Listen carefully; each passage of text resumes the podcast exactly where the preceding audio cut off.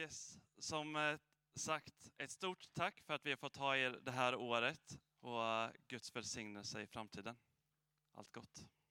Nu kan ni få gå ner och sätta er.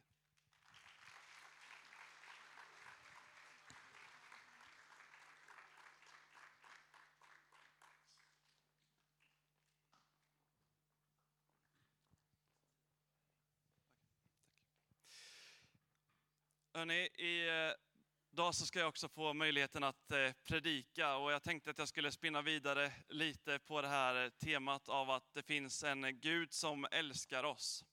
Vi eh, pratar om den röda tråden här i församlingen just nu och där så kollar vi på, på olika eh, passager genom Bibeln. Tack Daniel.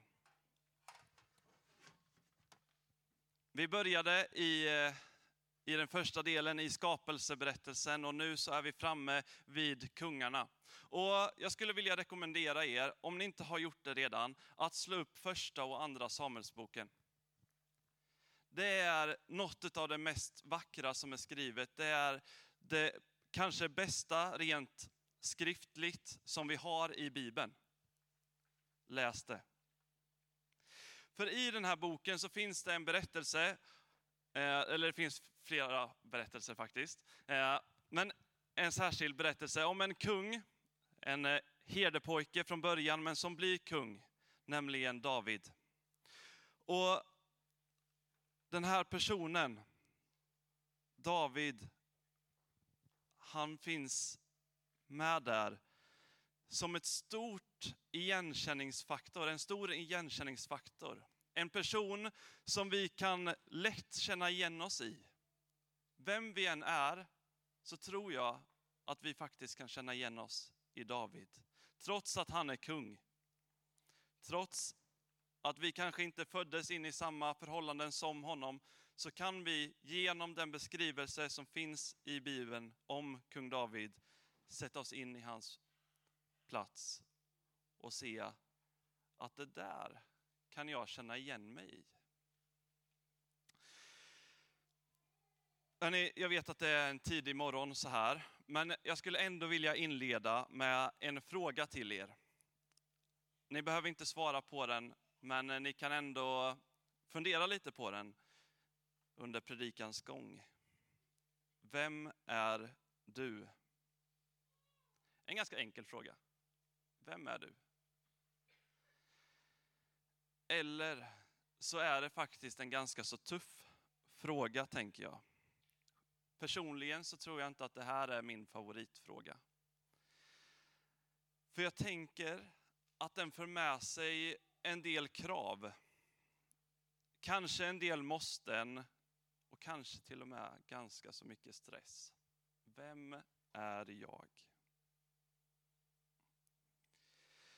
Men jag tänker att i dagens tid, i den här influencer-epoken som vi lever i, när vi matas av att ha en profil som passar in, som eh, också kanske lite sticker ut.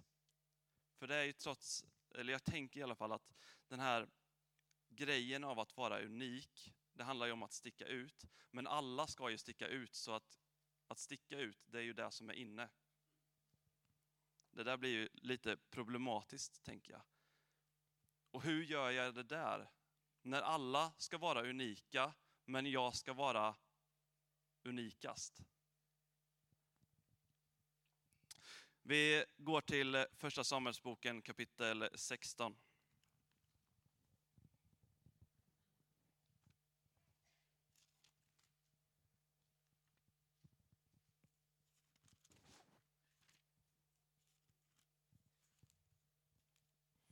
Det står så här. Herren sa till Samuel, hur länge tänker du sörja över Saul? Jag har förkastat honom som kung över Israel. Fyll ditt horn med olja och ge dig av. Jag ska sända dig till Betlemiten Ishai, för jag har utsett en av hans söner åt mig till kung. Samuel svarade, hur ska jag kunna gå dit? Om Saul får höra det dödar han mig. Herren svarade, ta med dig en eh, kviga och säg, jag har kommit för att offra åt Herren. Sedan ska du bjuda in Ishai till, offre, till offret och då ska jag låta dig veta vad du ska göra så att du smörjer åt mig den jag visar dig. Samuel gjorde som Herren sa och kom till Betlehem. Men eh, de äldre i staden blev förskräckta när de mötte honom och frågade, kommer du med frid? Han svarade, ja, med frid. Jag har kommit för att offra åt Herren. Helga er och kom med mig till offret. Och eh, han eh, helgade Ishai och hans söner och bjöd dem till offret. När de kom dit och fick se Eliab tänkte han, det är säkert Herrens morde som står här inför Herren. Men Herren sa till Samuel, se inte på hans yttre och hans resliga gestalt. Jag har förkastat honom, för det går inte, för, för det går inte efter vad en människa ser. En människa ser det som är för ögonen, men Herren ser till hjärtat. Då sa Ishai på, då, då kallade Ishai på Abinab och lät honom gå fram, gå fram inför Samuel. Men Samuel sa, Herre, Herren har inte utvalt honom heller. Då lät Ishai sin son Shema gå fram, men Samuel sa, Herren har inte utvalt honom heller. På så sätt lät Ishai sju av sina söner gå fram inför Samuel. Men Samuel sa till Ishai, Herren har inte utvalt någon av dem. Och han frågade honom, är det här alla pojkar du har? Han svarade, den yngste är kvar, men han vaktar fåren. Då sa Samuel till Ishai, sänd bud och hämta honom, för vi sätter oss inte förrän han har kommit. Ishai sände då bud och hämtade David. Han hade röda kinder och vackra ögon och såg bra ut. Gå fram och smörj honom, sa Herren, för han är det. Då tog Samuel sitt oljehorn och smorde honom mitt ibland hans bröder och Herrens ande kom över David från den dagen och framöver. Sedan bröt Samuel upp och gick till Rama. Amen. Gud älskar dig först och främst för den du är. Den du är skapad till att vara. Det finns inget annat egentligen än det. Det är grunden. Gud älskar dig för att han har skapat dig precis så som du är. I Bibeln så står det om den här killen David. Och vi kan se här att han är på väg att bli smord till kung. Men hans familj förstår inte riktigt att det är han som är den som ska smörjas till kung här. Utan det som händer är att eh, det är sju söner som får komma upp och ställas där inför Samuel. Och Herren säger, det är ingen utav dem. Det är till och med så att den här åttonde sonen, David, han är liksom, han är inte ens tänkt till att kunna vara den här smorde. Utan pappan, han säger till honom, eller han säger inte ens till honom att Samuel har kommit. Utan han får vara där på fältet och vakta de där fåren.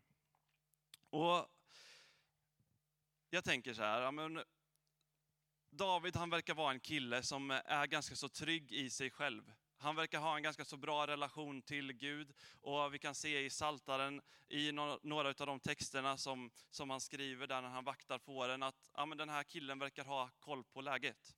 Han, han eh, försvarar fåren mot lejon, han försvarar dem mot björnar. Han verkar utan att tveka kunna ställa sig upp mot en, mot en eh, jätte och dräpa den. Det är inga problem för David. Men hans pappa säger att han kan nog inte vara kung. Han är ju liten. Han är, ja, så vidare. Han får talat en massa lögner in i sitt liv. Om vem han är och, och att han inte kan göra saker och ting lite senare i, i den här situationen med jätten Goliat. Innan han ska gå, gå fram och möta honom så, så säger Saul, den dåvarande kungen, hej ta min rustning, annars kommer inte det här gå. Men den passar inte David. Det är inte han. Han vet att han är älskad av Gud. Han vet att han har sin grund hos Gud, att han är älskad av Gud. Och det är det som räknas. Om Gud är med honom, då kan ingenting vara emot honom. Det är det han vet, det är det som han står på. Men alla andra verkar tala lögner in i Davids liv. Som sänker hans trygghet kanske, som sänker hans självkänsla, hans identitet.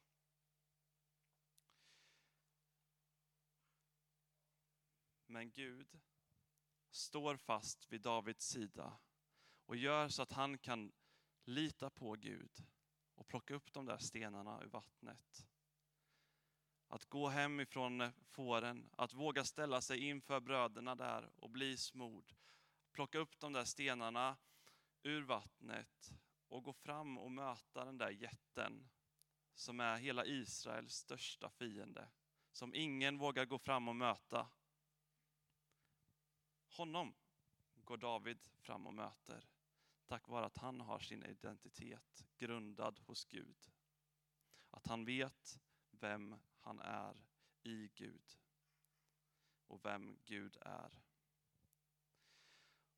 Och utan vidare vapen, utan vidare rustning så tar David den där slungan och slungar iväg stenen mot jätten och vinner slaget. När, eh, när jag växte upp så eh, växte jag upp i en, i en eh, troende familj, en kristen familj. Min pappa var pastor och eh, mamma har också varit liksom väldigt engagerad i kyrkan och morfar har varit engagerad i kyrkan, mormor har varit engagerad i kyrkan. Deras föräldrar har varit engagerade i kyrkan. På, på pappas sida så är det farmor och farfar som är första generationen. Det är pappa som tog första steget till att bli kristen. Och så har jag fått haka in i det där ledet. Så jag har alltid varit kristen. Alltid trott på Gud. Men det var en tid i mitt liv där, där jag vacklade lite på den där tron. För människor började tala in i mig, och mycket också utifrån mig själv, av att jag behövde hitta min egen identitet. Så vacklade jag i, vem är jag? Jag tappade fotfästet från att jag är Guds barn, jag är älskad utav Gud. That's good enough. Jag tappade det där och så försökte jag bli någon som alla andra tyckte att jag skulle bli.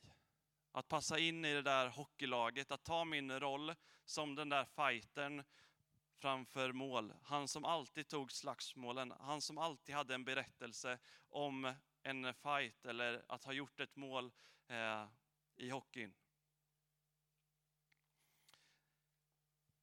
Det blev vem, vem jag var. Eller jag försökte göra det till vem jag var. Men det var inte vem jag var. Jag kunde känna det i mig själv, att jag tappade mig själv, men också kunde jag känna det i form av att jag började såra andra människor runt omkring mig. För att jag trodde att jag var någon jag inte var. Hur som helst så gick jag konfirmation och precis som er så fick jag avsluta min konfirmation och där så fick jag en, en fråga. Och det fick alla som gick på den där konfirmationen. Vill du döpa dig? Och utan att jag egentligen vet varför så svarade jag ja på den där frågan. Och där på hösten så samlades vi till församlingsläger och jag döpte mig. Och när jag gjorde det så kan jag inse att från den dagen så förändrades mitt hjärta. Min bild på vem jag är. Och det gick ifrån ett ganska så hårt hjärta till ett i alla fall lite mjukare hjärta. Och från det så har jag igen fått bygga upp min identitet, vem jag är. Och jag får idag grunda det i att jag är en son till den som har skapat mig. Och där får jag vara trygg. Där kan jag få vila. Vad som än händer, vad som än sker, så får jag vila i att jag är ett Guds barn och att jag är älskad. När vi blir eh, introducerade till Jesus så är han precis utanför Jerusalem, vid floden Jordan, för att bli döpt. När detta sker så öppnar sig himlen. Och Gud säger till Jesus, du är min älskade son. I dig har jag min glädje. Och jag tror att Gud säger exakt samma sak över alla er. Ni är mina älskade döttrar och söner. I er har jag min glädje. Efter det så kliver Jesus upp ifrån eh, vattnet och han eh, börjar ta tag i sitt uppdrag. Han eh, predikar, han förlåter människor för deras synder. Han upprättar dem som ansågs vara orena. Han helar de som är sjuka och han ger synen tillbaka till de som är blinda. Men framför allt så ser han människor i ögonen med en blick som säger, du är älskad. Lite senare så eh, rider Jesus in på, eh, på åsnan i Jerusalem. Som den där kungen som eh, det har profeterats om, som David har profeterat om. Och så hyllas Jesus där som kung. Men han blir också oerhört kritiserad. Han blir eh, förhörd och faktiskt uppspikad på ett kors för att han vet vem han är. För att han svarar jag är på frågan vem är du?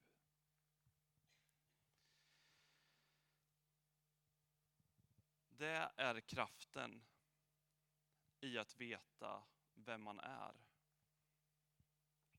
Det är kraften, alltså det är inte, alltså jag tänker inte på att man, man blir dödad för att man vet vem man är, men jag tänker att veta vem man är, det är så kraftfullt så att egentligen kan inte världen, alltså det som inte tror, de som alltid försöker göra sig själva till någonting som man inte är eller liknande. Det där att vara, veta vem man är, att vara grundad i det, det är så kraftfullt så att det är svårt att ta i. Och det är vad vi ser hända när Jesus säger jag är till Kajafas.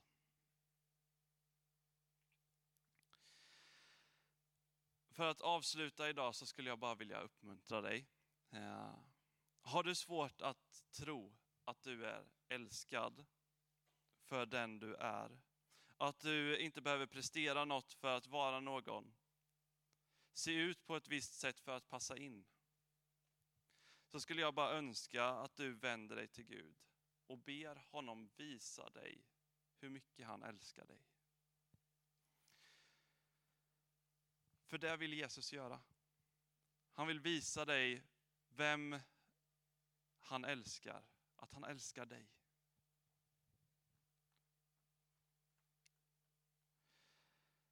Att vi är hans barn, det vill han visa oss.